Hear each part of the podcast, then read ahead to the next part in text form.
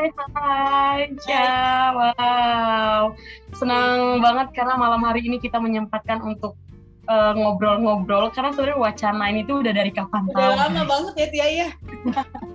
Udah lama banget kita merencanakan pengen ngobrol-ngobrol, pengen sharing-sharing, Udah terkenal tapi ya Eh, hampir sebulan kayaknya udah lama. udah kayaknya sebulanan deh ini tertunda. Tapi Apa ya, kabar ngobrol. Alhamdulillah kabar baik, sehat, dan Kenalin dulu dong diri. Oke, halo para pendengar podcastnya Anissa Kani alias Cica. Perkenalkan nih, aku Tia. Eh, aku aslinya dari Palembang sama kayak Cica. Sekarang sih eh, tinggalnya di Jakarta. Alhamdulillah bisa bisa hijrah ke kota orang gitu ya, survive di sini ya, sih nggak tuh? Terus eh, sekarang aku sih kesibukannya ya biasalah kerja eh, sebagai konselor dan master teacher di ruang guru. Seperti itu. Ya dan ada beberapa kegiatan lain lah ya di luar kerjaan gitu. Ya menyibukkan diri lah Ca supaya nggak bosan ya. dan tetap produktif ya. Karena kita masih muda. Masih muda nggak nih masih muda nggak Masih muda dan masih berjuang. Kita tuh belum Wah. tahu arah ke mana ya. Jadi mau makanya sekarang ya udah coba-coba aja apa pun yang ada di depan, ada kesempatan ya coba ya kayak gitu ya. gas dijalani selagi itu positif ya kan bikin kita jadi produktif kenapa enggak semuanya dicoba gitu aku pun gitu sih kayak aku tinggal di Jakarta jujur nggak punya saudara kayak ya punya kenalan dan teman-teman relasinya sebatas itu gitu Iya. tapi kayak setelah dipikir-pikir nih ya Cak ini kita cerita dulu nih. Setiap mau tidur nggak setiap sih kayak ada kesempatan ketika kadang kan kita pas mau tidur tuh kadang suka self talk gitu kan kayak ngomong sama diri sendiri kayak wah nggak nyangka ya ternyata aku bisa loh hidup di sini tanpa keluarga tanpa tempat ber- tempat bergantung gitu ya.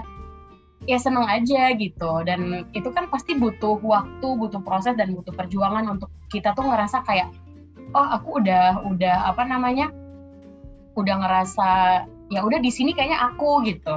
Kayak gitu sih. Bahkan jujur nih ya mungkin teman-teman mungkin ada yang ngerasa kok aneh banget sih nih orang? Aku tuh jujur malah ngerasa aku eh, lebih betah di sini daripada di eh, kampung halamanku sendiri. Tapi aku Ya, mungkin loh sama sama kamu loh Kak. Tia.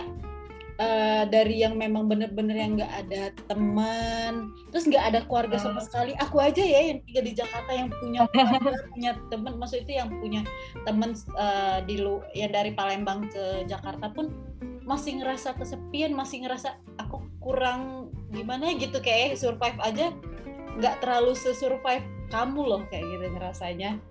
Wow. Tapi itu sih mungkin karena emang aku sebenarnya dari SMA tuh udah mulai sering nginep di tempat teman. Maksudnya gini dulu tuh aku ini cerita dikit nih kalau di flashback ya. Ya. Dulu waktu aku SMA, sekolahku itu jauh dari rumahku dan aku sering banget telat sampai akhirnya aku tuh sering banget dihukum nggak masuk kelas. Cuma ternyata hukuman itu gak efektif. Ternyata yang paling efektif itu ketika aku harus ngekos gitu. Nah dulu tuh aku udah mulai-mulai tuh waktu SMA tuh nginep di tempat teman gitu loh. Jadi kayak udah kebiasaan kayak ngekos gitu loh. Kayak jauh dari keluarga gitu ya. Terus eh, S1 juga aku nggak di rumah tinggalnya karena aku di di inilah di daerah lah ya bukan Palembang kota gitu. Jadi kuliah aku ngekos. Terus ke sini juga ujungnya ya. S2 merantau juga gitu. Cuman kayaknya emang mungkin karena aku juga Sagitarius kali ya. Asik nggak tuh Sagitarius cuy? Mainannya ada jiwa petualangnya lah walaupun ya? sedikit gitu ya maksudnya Ya. terlepas dari eh, kita kalian percaya atau enggak tentang em, apa namanya perbintangan itu tapi eh, mungkin ini hanya lagi pas aja gitu. Maksudnya ada sesuatu yang wah pas nih kayaknya sama aku gitu. Ketika Ya. aku baca Sagittarius itu katanya eh, tipe-tipe yang suka petualang suka kebebasan. Maksudnya bukan kebebasan nih gimana ya maksudnya kayak ya suka aja gitu mencoba hal baru men-challenge diri sendiri. Kayaknya aku ngerasa itu aku gitu sih. Gitu sih lebih ke kayak gitu.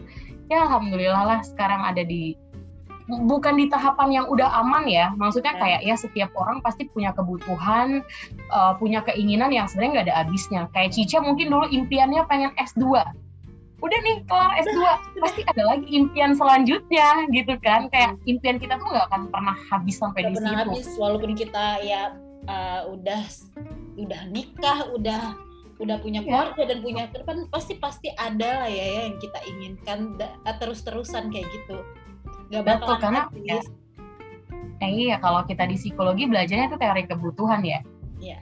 uh, jadi kayak ya udah kebutuhan manusia tuh akan terus bertambah gitu dan nggak akan mungkin ada orang yang 100% tuh bisa ngerasa sepuas itu sama apa yang dia capai gitu. Pasti ya di bawah 100% gitu. Cuman uh, ya apa ya ya gitu aja sepanjang kita hidup selagi kita masih menghirup oksigen bernafas ya akan seperti itu gitu. Cuman ya memang pada perjalanannya kan uh, namanya hidup orang ya beda-beda. Yang kita lihat mulus banget tuh. Misalnya nih orang yang gak kenal sama aku nih. Wah dia udah S2 ya kan sekarang udah kerja tinggalnya di Jakarta. Ini orang yang gak kenal nih. Enak banget ya ini dia. Ini dari kacamata. Iya. Iya dari kacamata orang yang kayak gitu. Sebenarnya kita nggak pernah uh, nge-share apa pun hal-hal yang uh, berbau susah ya kayak gitu ya. Kita tuh memang ada ada posisi kita tuh susah ya. Cuman uh, cuman karena kita tahu ya udah. sesuatu itu bakalan uh, nimbulin negatif ya kepada orang ya. Jadi ya kita pikir ya lebih baik ya simpan aja. Share yang positif lebih baik positifnya aja. Eh, betul nih Cah, kalau ngomong soal itu nih, uh, dulu tuh aku sebenarnya aku tuh tipe yang sebenarnya ekspresif banget. Apa yang aku rasain tuh pasti orang tahu gitu dulu dikit-dikit bikin status dong ya dulu ya masa-masa remaja biasa lah. Labil lah ya, zaman-zaman labil. lu nih, ya betul. Dulu main Facebook, main Twitter tuh bener-bener kayak semua isi perut kita ceritain gitu di media sosial. Itu dulu. Cuma saat ternyata seiring bertambahnya usia, semakin banyak kita berkenalan dengan orang lain gitu ya. Ketika kita ngelihat orang lain yang sama kayak kita, hmm. bikin status galau, sedih dan ngeluh terus kayak apaan sih nih orang ya nggak sih? Uh. itu nggak sih? Jadi kayak wah ternyata aku kayak gitu. Oh, orang tuh uh, apa namanya membranding diriku tuh kayak si Tia tukang ngeluh gitu. Apa apa diceritain di medsos oh ternyata kayak gitu. Nah dari situ tuh aku benar-benar merubah oh nggak boleh ternyata kayak gitu. Kita nggak boleh lost control. Maksudnya emang ketika memposting sesuatu ke medsos kita itu tuh benar-benar ada hal yang emang harus di skip maksudnya gini nggak ya, semua harus kita, kita share kan ya? Iya. Betul kayak kita membuat tulisan. Isinya ngeluh. Yang baca dong jujur aku sendiri tuh ada temen yang sampai sekarang seusia nih sama aku kayak ngeluh aja kerjanya. Jadi negatif kesel gak sih? banget. Kesel dan kita jadi negatif. Apa nih sih masih pagi loh udah ngeluh kayak gitu. Kita baca statusnya kayak wow gitu. Kenapa sih harus ngeluh? Jadi kayak bete sendiri gitu kan. Berarti ketika kita juga berlaku seperti itu sama orang yang kayak kita lihat apaan sih nih orang? Ya orang juga menilai kita kayak gitu. Makanya udah deh coba rubah kebiasaan. Bukan berarti kita mau minta di uh, anggap happy dan baik-baik terus. Cuma maksudnya iya. kayak ya emang ketika kita bisa nge-share sesuatu yang positif kenapa nggak kita share gitu? Yang negatif ya jangan gitu sih. Lebih ke kayak gitu. Eh kalau Cica sendiri gimana nih? Kesibukannya apa sekarang? Karena sekarang udah kembali ke kandangnya ya kan udah di iya. Palembang iya. Aduh kandangnya ya. iya. Sebenarnya aku juga bingung sih.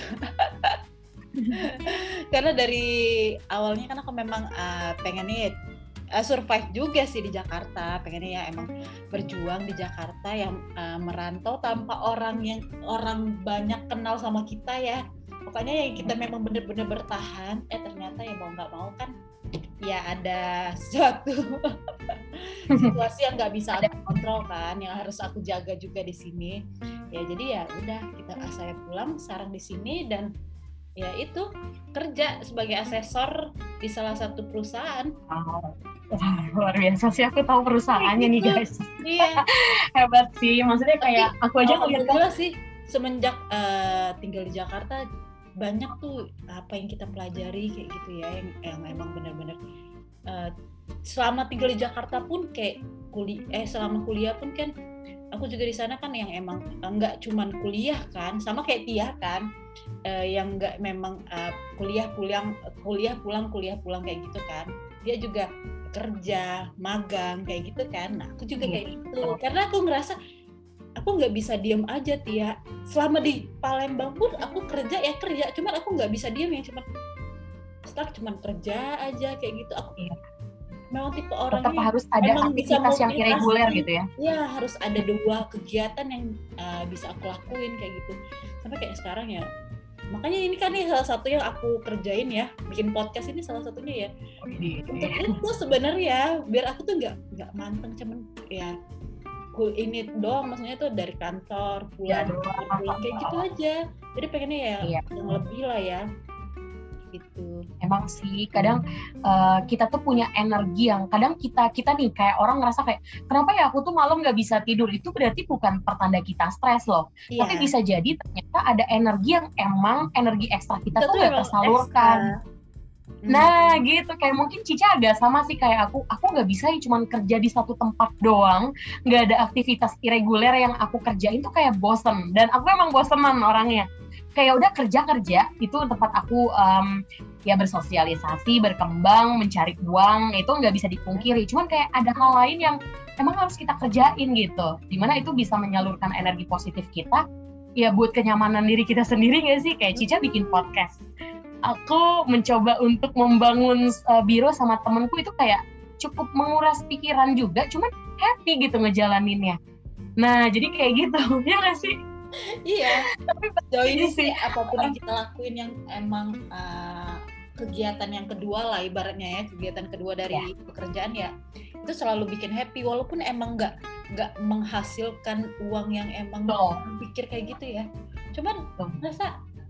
Ini aja bikin happy happy diri sendiri dan bikin happy orang juga. Terus ya, itu itu sih aku yang aku memang seneng Oke, tapi emang uh, sekarang Cica berapa sih usianya? Atau mau di skip usia? oke Cica tahu usia nih guys ya. Oke, deh di skip karena aku juga agak, eh ternyata bener loh nih, ini keluar dari konteks ya. Orang bule itu menganggap ketika kita tanya usia dia, itu dia pikir kita nggak sopan. Itu kebiasaan Asia banget gak sih? Kayak nanya usia, eh, agama gitu, status gitu kan.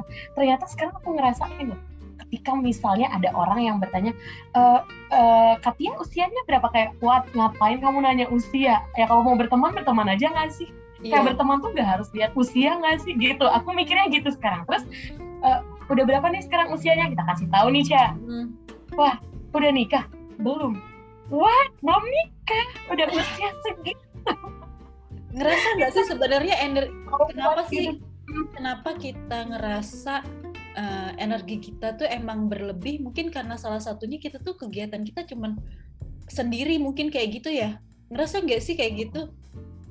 Iya bisa jadi Mungkin sih salah karena satunya ya memang kita belum nikah kali ya. Ya, memang bisa urusan kita sekarang cuma ngurusin diri sendiri yang emang Terus, ya iya. ya itulah.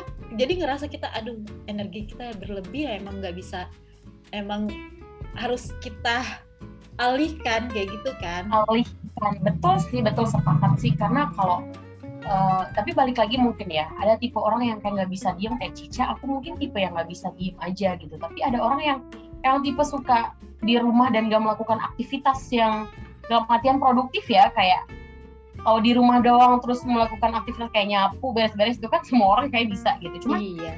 ada orang yang suka sih yang berdiam diri. Cuman kalau kita berdua mungkin tipe yang nggak bisa diem terus ditambah lagi kita emang masih single gitu kan.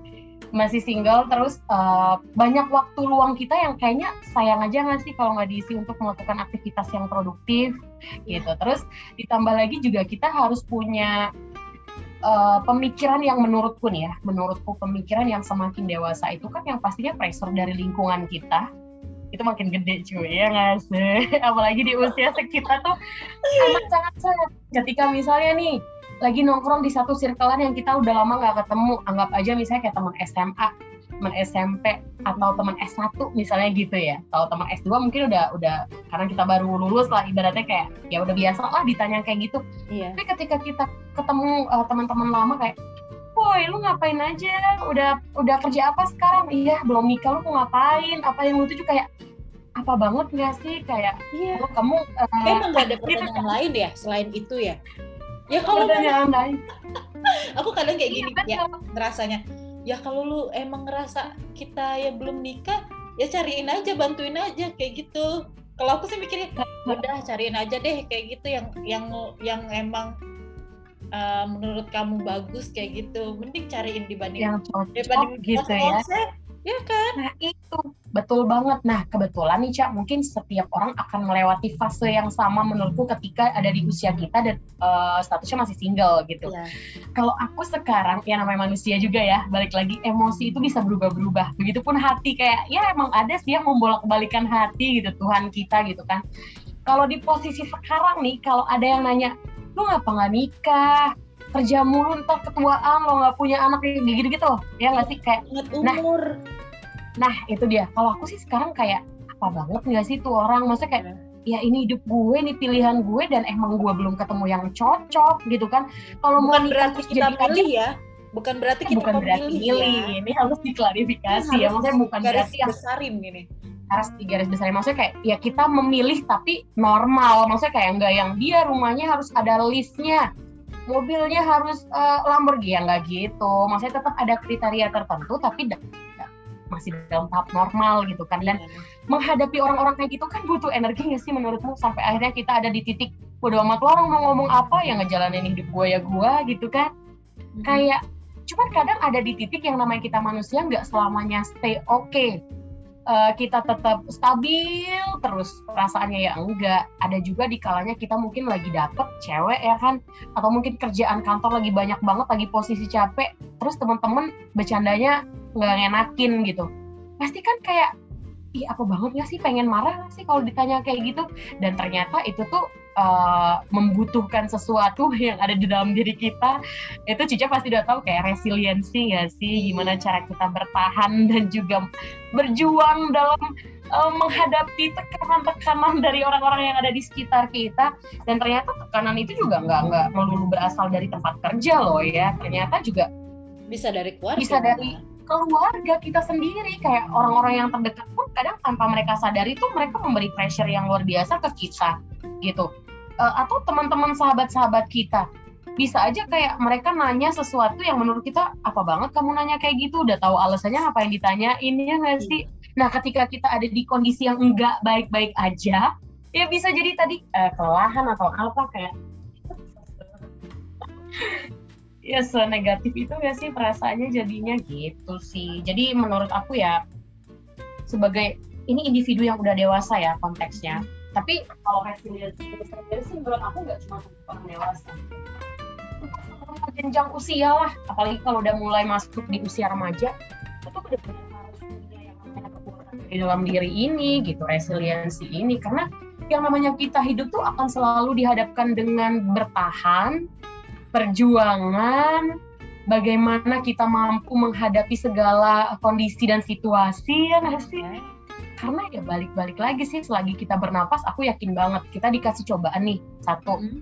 cobaan Cica dulu waktu akhir semester uh, di perkuliahan S2 tesis dong ya nggak sih? Kita ya. sibuk dengan tesis galau dengan tesis nggak tidur dan lain-lain. Kelar nih tesis. Wah kita pikir udah lega nih udah ya lega udah selesai ternyata masih ada, ada lagi. Ternyata halo ini loh dunia yang sesungguhnya kehidupan orang dewasa yang sesungguhnya. Tidak jaga. Ya.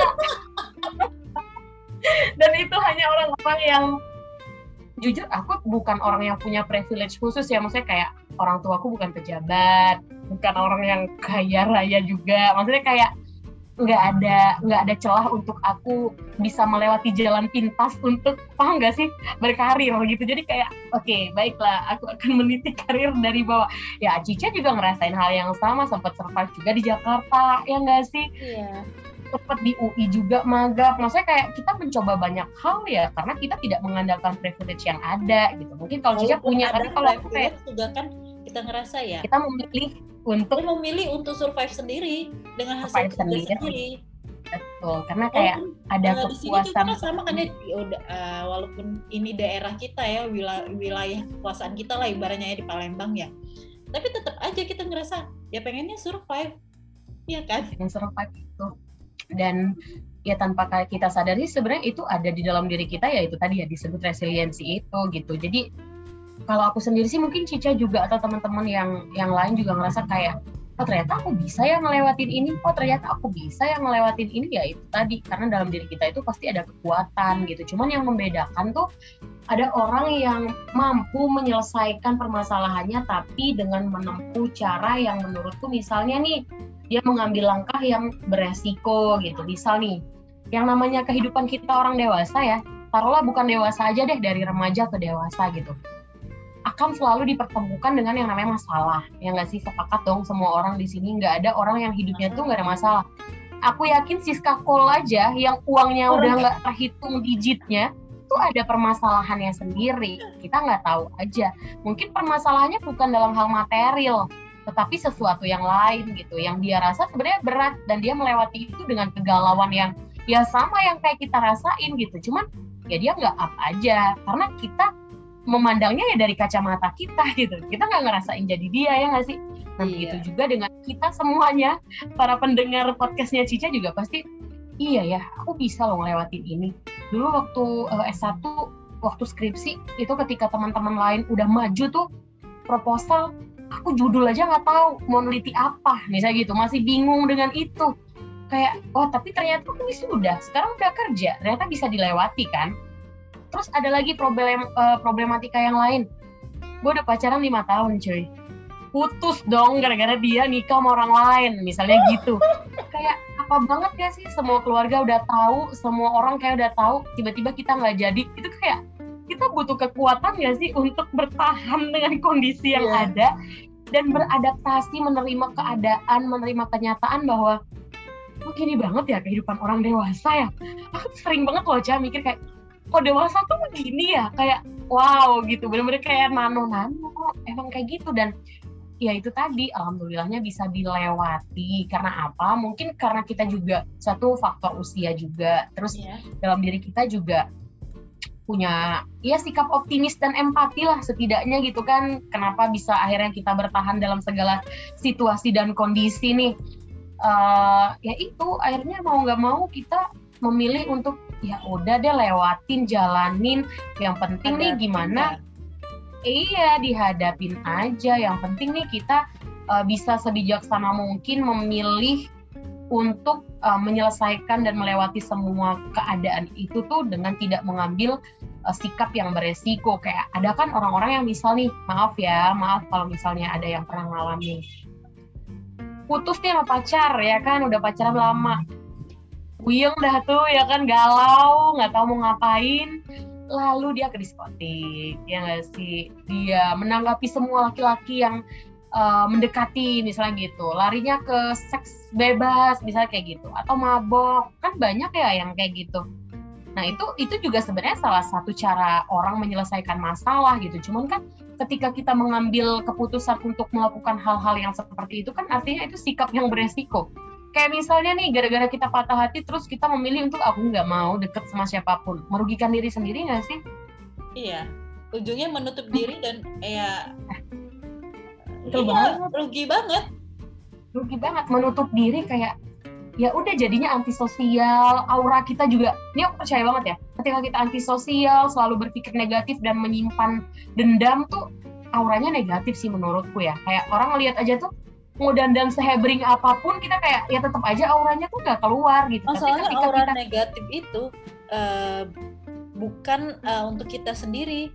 Kalau seandainya kitanya ya udah dari awalnya negatif ya orang sekitar pun ikutan negatif mandang kita dan uh, ik, uh, berdampak ke mereka kayak gitu jadi ya lebih baik ya kalau seandainya emang ada kejadian kayak gitu ya kita hadapin aja positif pasti bakalan iya. bisa sih ini uh, iya uh, ini ini jadi kayak curhat colongan gak sih? Aku cerita dikit ya. Aku pacaran lama terus nggak jadi. Uh, Sebenarnya orang-orang sekitar kok secepat itu sih kamu move on? Maksudnya kayak kok nggak galau ya ya eh, tapi boleh tahu nggak sebenarnya uh, kejadian itu uh, pas kapan tuh S1 itu ya? di tahun 2017 cuy. 2017 pas banget aku baru masuk S2 cuy.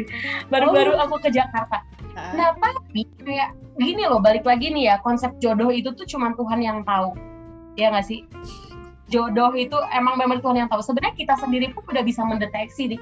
Nih orang agak breng tetap aja kita bertahan di uh, toxic relationship gitu kan ya itu pilihan kita. Tapi setelah mikir-mikir ngapain gue bertahan ya waktu itu ya? Ya nggak sih? Kayak gitu. Nah terus um, kebetulan banget aku waktu itu uh, kelar hubungannya terus aku ada aktivitas baru yaitu kuliah cuy. Ya nggak sih? Jadi kayak aku melakukan hal yang positif kenalan sama orang-orang yang baru dan kebetulan aku pindah ke uh, apa namanya kota yang beda gitu paham gak sih? Jadi kayak aku ada di situasi yang baru semuanya. Jadi kayak oke okay, kita jadi mau ke lembaran baru ya?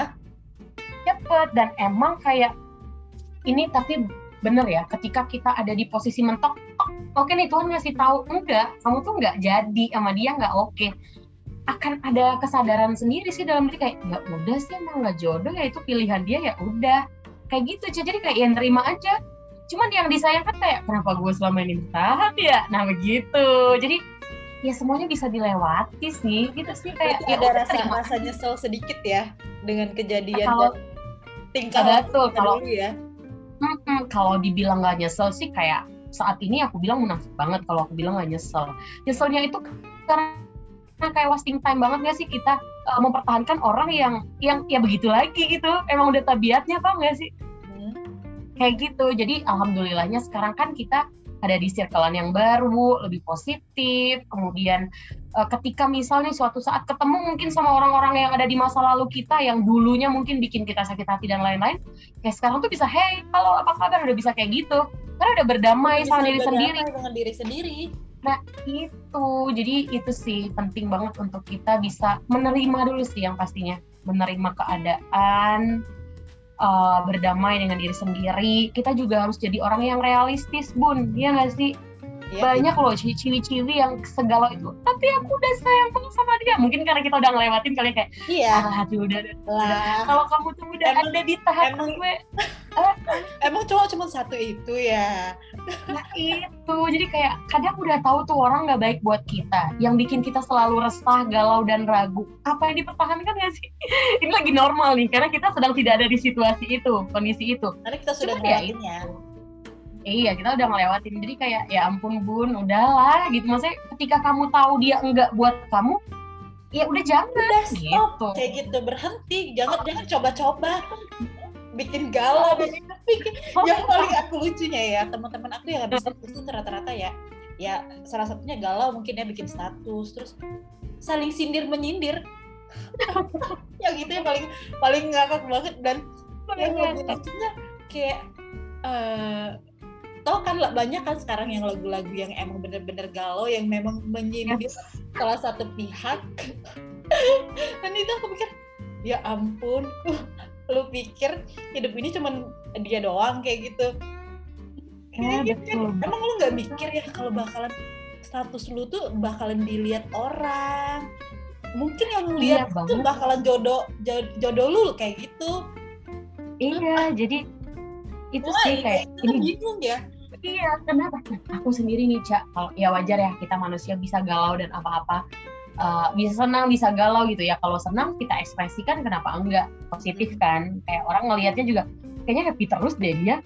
Kok kamu nggak pernah sedih sih? Kok kamu nggak pernah marah sih? Kok kayaknya banyak duit mulu sih? Ya amin gitu kan. Itu doa. Itu adalah bagian dari sesuatu yang orang persepsikan tentang kita berdasarkan apa yang kita share gitu tapi kalau kita negatif mungkin kayak ah dia tuh nggak bahagia gini-gini galau mulu. Eh, kan kayak gitu tuh. Itu juga doa tahu jadi kayak ya udahlah sekarang kalau bisa share sesuatu yang positif kenapa harus share yang negatif? Terus juga menurutku sih uh, ketika misalnya karena kita udah dewasa ya cak. Menurutku ya balik lagi nih karena kita udah menurutku kita udah masuk tahapan dewasa ya seusia kita gitu. Ya hmm, emang harus udah bukan udah bukan di situ lagi gak sih? Kita ya masih kita tuh udah udah bukan yang kayak gitu lagi gitu. Maksudnya ketika update status pun bukan hal-hal yang kayak bocil yang galau gimana gitu kan. Tapi balik lagi sih setiap orang punya punya kebutuhan untuk diperhatikan kali ya. Kayak dia share sesuatu kan pasti dia punya tujuan tertentu. Ini penting ya sih dia nggak tahu ya tujuannya apa. Ya mungkin pengen dilihat orang yang lama kali atau pengen dilihat orang yang baru atau apa ya kita nggak tahu ya. Karena iya, gitu masing-masing punya punya inilah ya ya tujuan masing-masing punya orientasi masing-masing. Gitu sih. Uh, eh aku balik-balik lagi nih kalau kita bahas tentang resiliensi nih ya cak aku bersyukurnya di lingkungan kerja aku yang sekarang tuh lingkungan yang benar-benar cuman emang fokus untuk mengembangkan diri gitu loh. Jadi nggak ada tuh pertanyaan yang eh udah mau umur sekian loh buruan gitu-gitu tuh enggak jadi kayak ya kita ng ngikut kan maksudnya kayak oh oke okay deh alhamdulillah positif gitu. Jadi nggak yang bikin kita jadi jadi se ya. Iya ngedown gitu. Nggak nggak bikin kayak gitu. Cuman yang namanya kita manusia ya udah seusia kita tuh pasti ada kebutuhan untuk punya relasi yang lebih intimate gak sih sama lawan jenis? Ya gak sih? Kayak nggak harus intens tapi setidaknya kita ngerasa kayak oh iya aku sama dia dia sama aku. Paham gak sih? Yang kayak gitu sih. Lebih ke kayak ya nggak sih Ca? iya. Pengennya gitu ya. Cuman ya gimana ya bun iya. Nah tau nggak? Ternyata kita nih uh, uh, FYI nih ya guys. Kita berdua nih masih sendiri alias zomblo belum single single eh sorry single. Jangan single single guys. Eh single. Nah jadi gini apa namanya sebenarnya kita sedang berjuang dengan diri kita sendiri juga nggak sih? Kayak tadi kita meregulasi waktu kita sebaik mungkin, kita save tenaga kita untuk hal-hal yang produktif, itu tuh sebenarnya cara kita bertahan dengan diri kita sendiri gitu. Buktinya uh, apa namanya kita nggak setiap hari ngerasa galau dan kesepian ya emang kadang ada lah di waktu-waktu tertentu bun. Ya pasti hmm. ada lah kita ngerasa galau manusiawi gitu kan. Misalnya pada saat mau tidur Buset, teman gue ada upload foto sama anak-anaknya aja nih. Gue masih gini-gini aja udah tuh ada. nih, udah punya tiga nih. Eh udah kita ada satu aja pasangan belum. Hmm, ya, gitu. Kayak ya itu pasti ada. Cuman kayak ya bersyukurnya di usia kita yang sekarang kita masih bisa produktif melakukan hal-hal yang positif. Kita bisa coping stress kita uh, melakukan coping stress dengan hal-hal yang yang alhamdulillahnya baik-baik gitu loh. Maksudnya kayak sekarang nih kita sharing-sharing ngobrol. Ini kan salah satu wadah kita untuk apa ya untuk berekspresi untuk ngobrol untuk sharing-sharing sama teman-teman ya dan juga untuk menyalurkan energi kita gitu gak sih ya diharapkan semoga bermanfaat gitu. jadi jadi guys obrolan kita ini itu sebenarnya obrolan pribadi kita tapi kita sharing. Ya semoga ada sesuatu yang bisa menjadi inspirasi ya, buat lah ya, ya ambil hikmahnya. Hmm. begitu. Ya, tapi sebenarnya kita lebih parah ya dari ini ya kalau seandainya ngobrol yang memang benar. Bener-bener deep ya. Harus harus banyak yang di skip Ya, tapi berhubung ini buat uh, buat konten jadi iya, di share, jadi ada sesuatu yang di skip skip asli. Iya. Bahaya ya, pun kalau didengar orang lain. Ya, nggak sefrontal ketika nggak lagi direkam ya nggak sih? Ya. Kalau lagi nggak direkam agak frontal bun, ya gitulah namanya ya kan.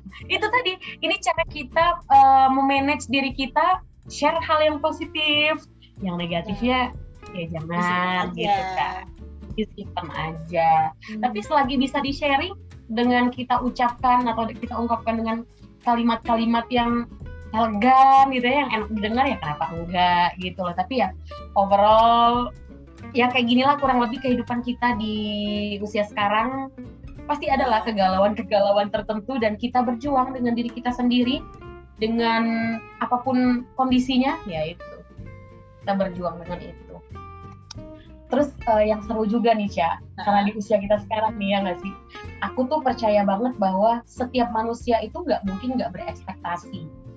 Ini aku nggak tahu kalau Cica dan teman-teman yang lain ya. Menurutku ya setiap makhluk hidup itu pasti dia akan punya ekspektasi. Tapi ini ya yang membedakan adalah ada orang yang berekspektasi tapi dia bisa memanage ekspektasinya ada juga yang benar-benar sepercaya diri itu menaruh ekspektasi dan harapan ke orang lain. Ini nggak jauh-jauh bahasan kita jodoh nih bun. Iya. Iya nggak sih? Kayak nih, misal aku lagi deket sama satu orang, ya nggak mungkin aku nggak berekspektasi dong. Kita komunikasi intens. Misal nih, contoh ya, ya kan. Aduh, jadi curhat banget ini. ya gue berharap lu jadi sama gue gue udah uh, memperhatikan udah nanggepin gitu ya uh, apa namanya benar-benar udah meluangkan waktu untuk sekedar balas chat atau chat duluan itu artinya kita udah punya ekspektasi dong sama orang itu. Beda halnya dengan kayak kita emang benar-benar gak tertarik ya boro-boro balas chat kayak ya dia lagi yang ngechat pas ada notif. Kita ya males banget. biarin aja. Beda. Nah iya. Iya kan kita punya ekspektasi nah dengan ekspektasi ini juga tuh ternyata uh, berpengaruh ke hidup kita dari artikel dan berbagai sumber yang aku baca ya ekspektasi kita tuh berpengaruh ternyata ke hidup kita. Tapi balik lagi, kalau misalnya kita punya kekuatan dalam diri kita yang tadi kita sebutin resiliensi itu, ya kita akan sebijaksana itu dalam memanage ekspektasi kita. Kayak contoh nih ya, ini benar-benar contoh kasus nyata nih guys ya. Kalau penelitian studi kasus dah ini. Fenomenanya benar-benar nyata kayak aku sekarang. Aku ngerasa aku lagi deket sama satu orang, intens komunikasi, ya aku berekspektasi. Aku berharap ya dia yang terbaik gitu sambil menjalani dan melihat apakah benar dia yang terbaik gitu kan. Tapi tetap balik lagi nih ke dalam diriku ya pasrahin semuanya sama Tuhan. Tuhan tuh lebih tahu apa yang terbaik buat hambanya. Dan lagian juga kalaupun nih seandainya ternyata nih orang nggak jadi sama aku nggak berujung sama aku ya udah berarti aku bukan yang terbaik buat dia dia juga bukan yang terbaik buat aku. Ya resiko kita sebagai manusia ya gitu ya kayak dua sisi mata uang gak sih? Iya. Kayak gitu kalau sekarang sih mikirnya kayak gini sih. Hmm. aku nggak aku nggak berani loh maksudnya uh, berekspekta berekspektasi terlalu tinggi sama orang. Apalagi posisinya saat ini kita yang uh, yang paling kita keluhkan itu masalah jodoh ya.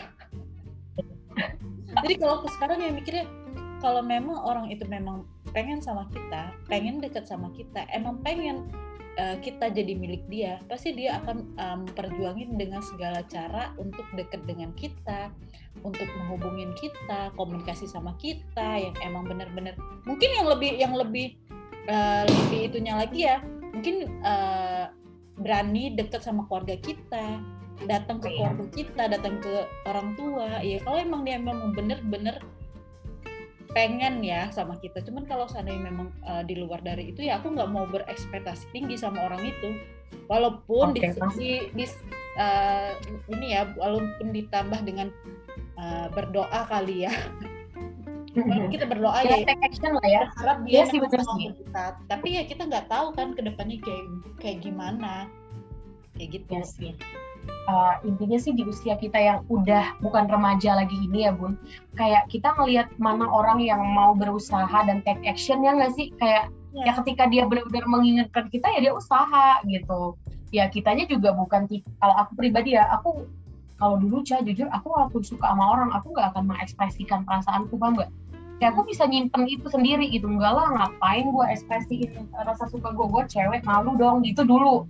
Tapi kalau sekarang aku kayak lebih oh nggak apa-apa sih mengekspresikan perasaan dengan cara kayak misal aku chat duluan gitu tuh aku aku udah lumayan. Cuman enggak yang berarti ngejer-ngejer ya. Maksudnya kayak membuka obrolan ya iya gitu.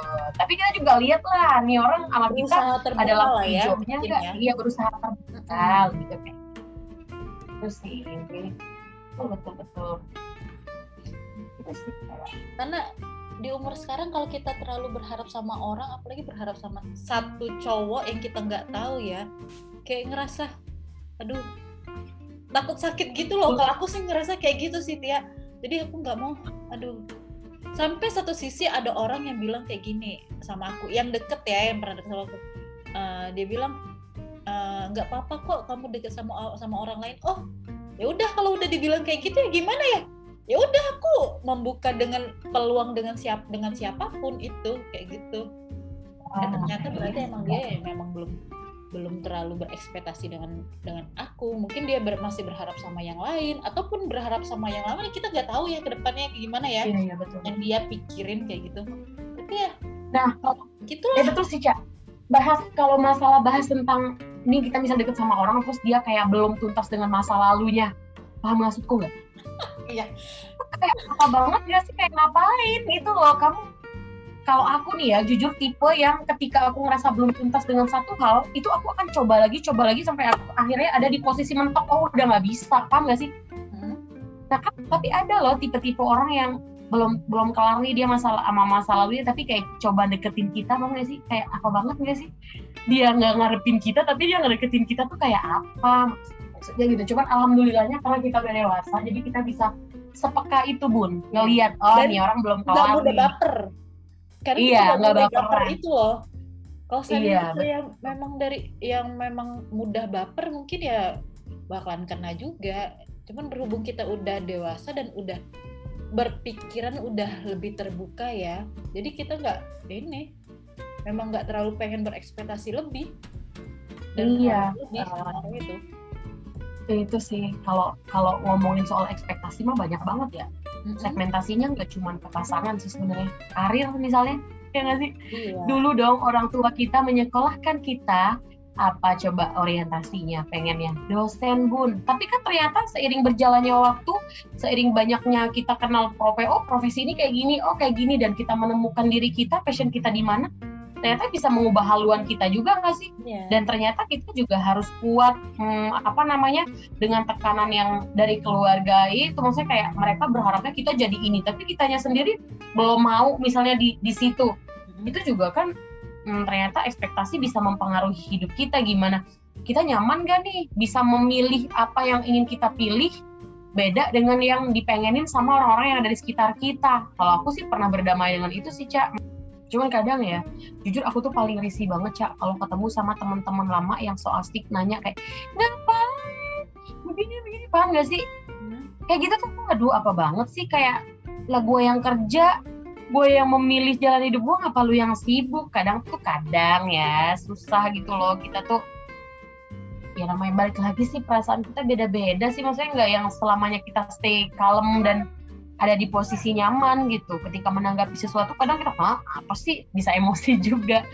Cuman ya itu tadi sih ya kita nggak akan nggak akan apa namanya eh, nggak uh, akan se sebaik itu kalau misalnya kita nggak punya resiliensi dalam diri kita balik lagi tentang ekspektasi yang orang uh, apa namanya yang orang inginkan dari kita ekspektasi kita ke orang lain juga gitu. Jadi ya itu sih sampai sekarang sih mungkin walaupun usia kita udah masuk tahapan dewasa ya kita masih belajar untuk gimana caranya punya resiliensi diri yang baik gitu dalam bertahan dalam apa pun itu. Jadi bertahan itu nggak cuman segmentasinya ke pasangan ya kan dalam pekerjaan keluarga gitu.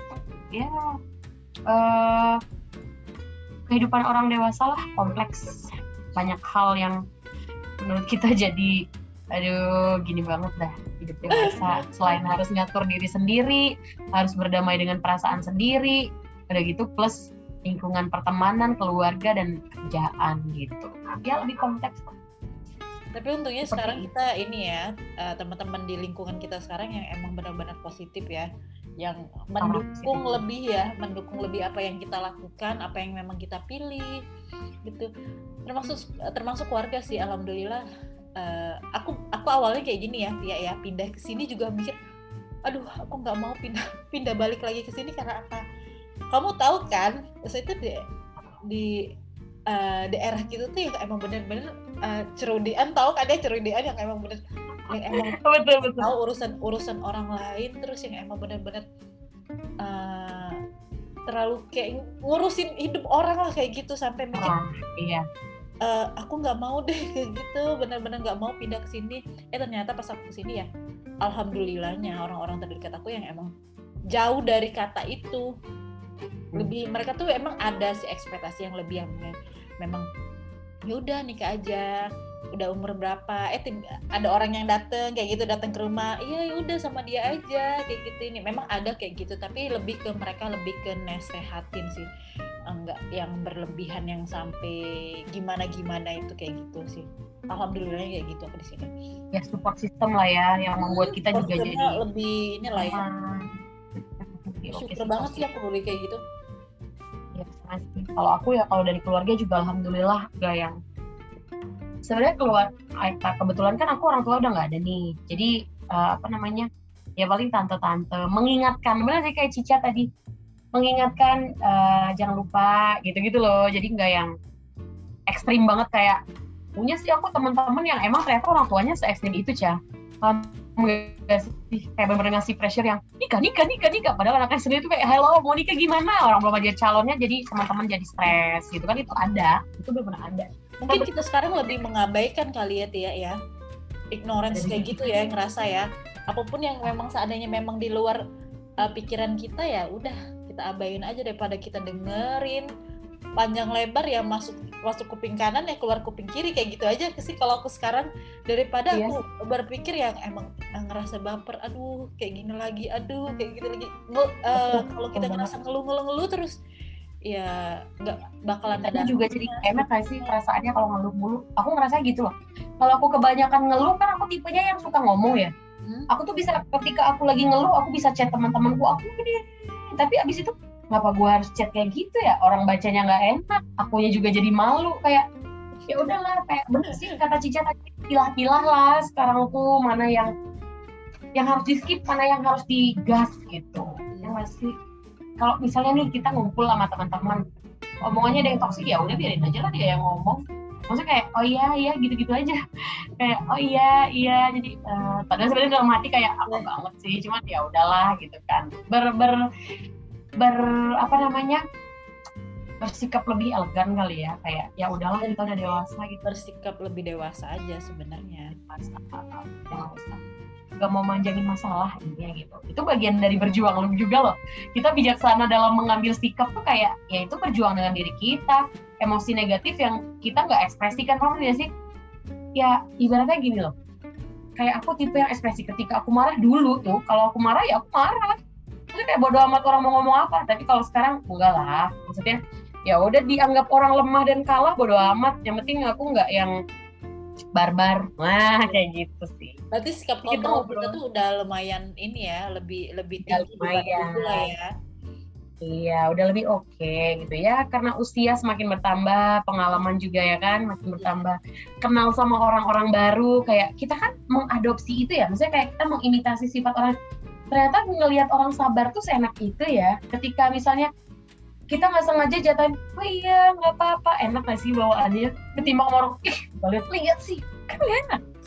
Kayak ketika orang yang eh, apa namanya? tapi ngerasa gak sih itu pengaruh budaya juga Betul.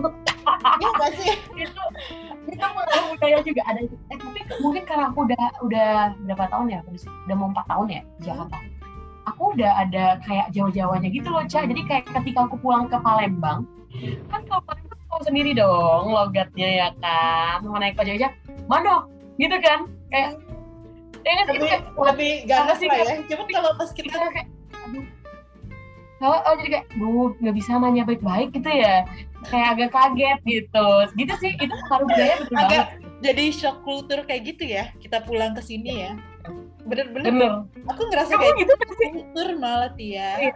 Makanya eh, sama aduh, sih aduh aku nggak mau balik lagi aku nggak mau balik lagi ya karena aku memang ngerasa aduh aku udah udah kayak nggak sama gitu bukan nggak sama sih maksudnya ya kayak aduh kenapa kayak gini sih mereka kayak gitu sih lebih kayak lebih ngerasa aneh aja Iya, aduh mohon maaf ya para pendengar yang mungkin Ya, emang orang paling daerah kayak kita juga, cuman ini realistis loh. Maksudnya ini Ya. realistis.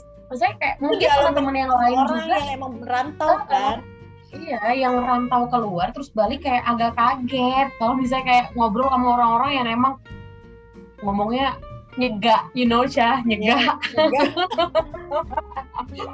Itu tuh wadaw gitu, nggak Nah, bisa santai ya, banget ngomongnya. tenggol bacok lah Nah, itu dia. Karena mungkin kita udah terbiasa di sini kali ya. Iya. Jadi kayak ya jadi agak bisa lebih calm, lebih tenang karena teman-teman kita kebanyakan orang Jawa juga ya, Jawa, Bandung, Ya, maksudnya Jawa memang mereka benar-benar kalem, yang benar yang G kayak gitu ngerti kan?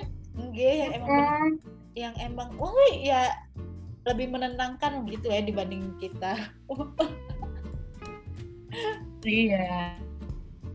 Nah, tapi ini bukan berarti ngejelek-jelekin daerah sendiri ya. Maksudnya kayak emang kenyataannya gitu, gitu. Emang emang beda sih. Itu sih. Ya, begitulah guys cerita tentang perjuangan. Ini kita tadi Perjuangan, cerita ya. banyak hal sih ya sebenarnya ya. Kita kayak Banyak. ke mana-mana gak sih? Cuman intinya nih guys, di sini tuh kita mau bahas tentang resiliensi. Di mana Hmm. resiliensi itu itu artinya tuh uh, bertahan ya kan di uh, kemampuan kita untuk mm, bisa menyelesaikan permasalahan ya kan kita Iya. bisa mengikuti perubahan yang ada uh, sesuatu yang baru kita bisa beradaptasi kita juga bisa kontrol emosi ya gitu gitulah intinya resiliensi jadi resiliensi itu tuh kemampuan kita sebagai manusia untuk beradaptasi bertahan bangkit dari sifat-sifat yang menekan ya kan Cah Iya. sifat-sifat atau uh, hal-hal yang bikin kita ngerasa jadi kesulitan bikin kita jadi sedih gitu ya, kita terpuruk dan kita bisa melewati itu, kita tetap bisa berkembang dengan optimal ya kan. Dan intinya ya kita bisa melewati itu tentunya dengan tidak melakukan hal-hal yang beresiko kayak yang tadi aku bilang di awal. Negatif lah ya dengan sesuatu. Itu ah jadi kesimpulan ini diambil oleh Tia udah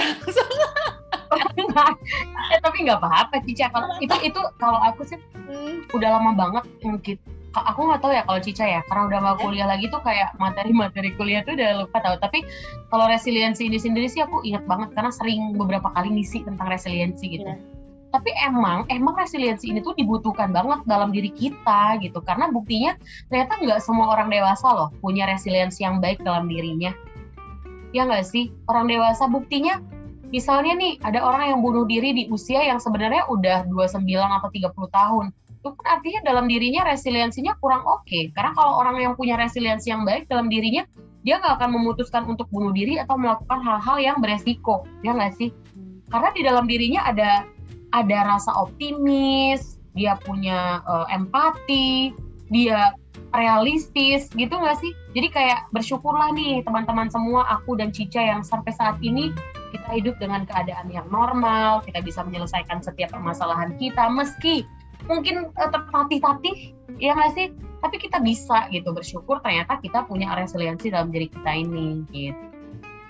Ya begitulah guys ya kita hari ini sebenarnya ya. topiknya tentang resiliensi. Cuma oh, karena emang namanya resiliensi ya ya. Iya, tapi ujung-ujungnya ngomongin masalah emosi, ngomongin masalah uh, jodoh ujung-ujungnya ya. Karena memang saat ini ya kegelisahan kita yang emang benar yang kita survivein ya masalah jodoh sih ya semoga ya. setelah ini ya secepatnya kali ya kita. Amin amin amin. Nah kita sedang sedang apa namanya sedang menceritakan sesuatu yang emang realistis dan kita kaitkan dengan uh, teori psikologi ya resiliensi ini gitu. Intinya Kenapa itu sebenarnya aku mikir kayak gini Tia ya? Aku bersyukurnya masuk di psikologi karena oh ternyata seluruh ilmu psikologi yang kita dapetin itu eh ternyata berdiri sendiri. semua nyambung semua di kehidupan kita. Ya emang bener dari awal ditanya kenapa masuk psikologi? Iya berobat jalan. Oh iya memang bener kita lagi berobat jalan. Iya benar sih. perbaikin diri kita kan kayak gitu ya. Bener banget bener bener bener aku sih kerasa banget sih itu kayak kita bisa berdamai dengan diri sendiri karena apa yang udah kita pelajari ya nggak sih? Iya. kita bisa tahu sifat kita oh ternyata aku tuh tipenya yang uh, begini karena dulu aku begini. Oh berarti aku harus gini nih biar uh, oke okay, gitu kan? Jadi kayak kita berobat jalan sendiri gitu. Cuman ya alhamdulillah itu salah satu manfaat yang kita ambil gitu yang kita dapat dari dari apa namanya jurusan yang udah kita ambil gitu ya semoga hmm. apa pun yang kita share di sini sebenarnya uh, ada manfaatnya ya amin, amin, amin. ambil uh, ambil hal-hal yang uh, yang positif uh, dan abaikan aja ya kalau seandainya ada sesuatu yang memang uh, negatif ya yang kita obrolin. Ya. skip aja. Ya sebagai orang dewasa nih, para, iya. para pendengar di sini kan pasti cerdas-cerdas ya, Caya. Ya ya nggak sih. Jadi kayak ya ketika ketika kalian ngerasa apaan sih nggak penting skip,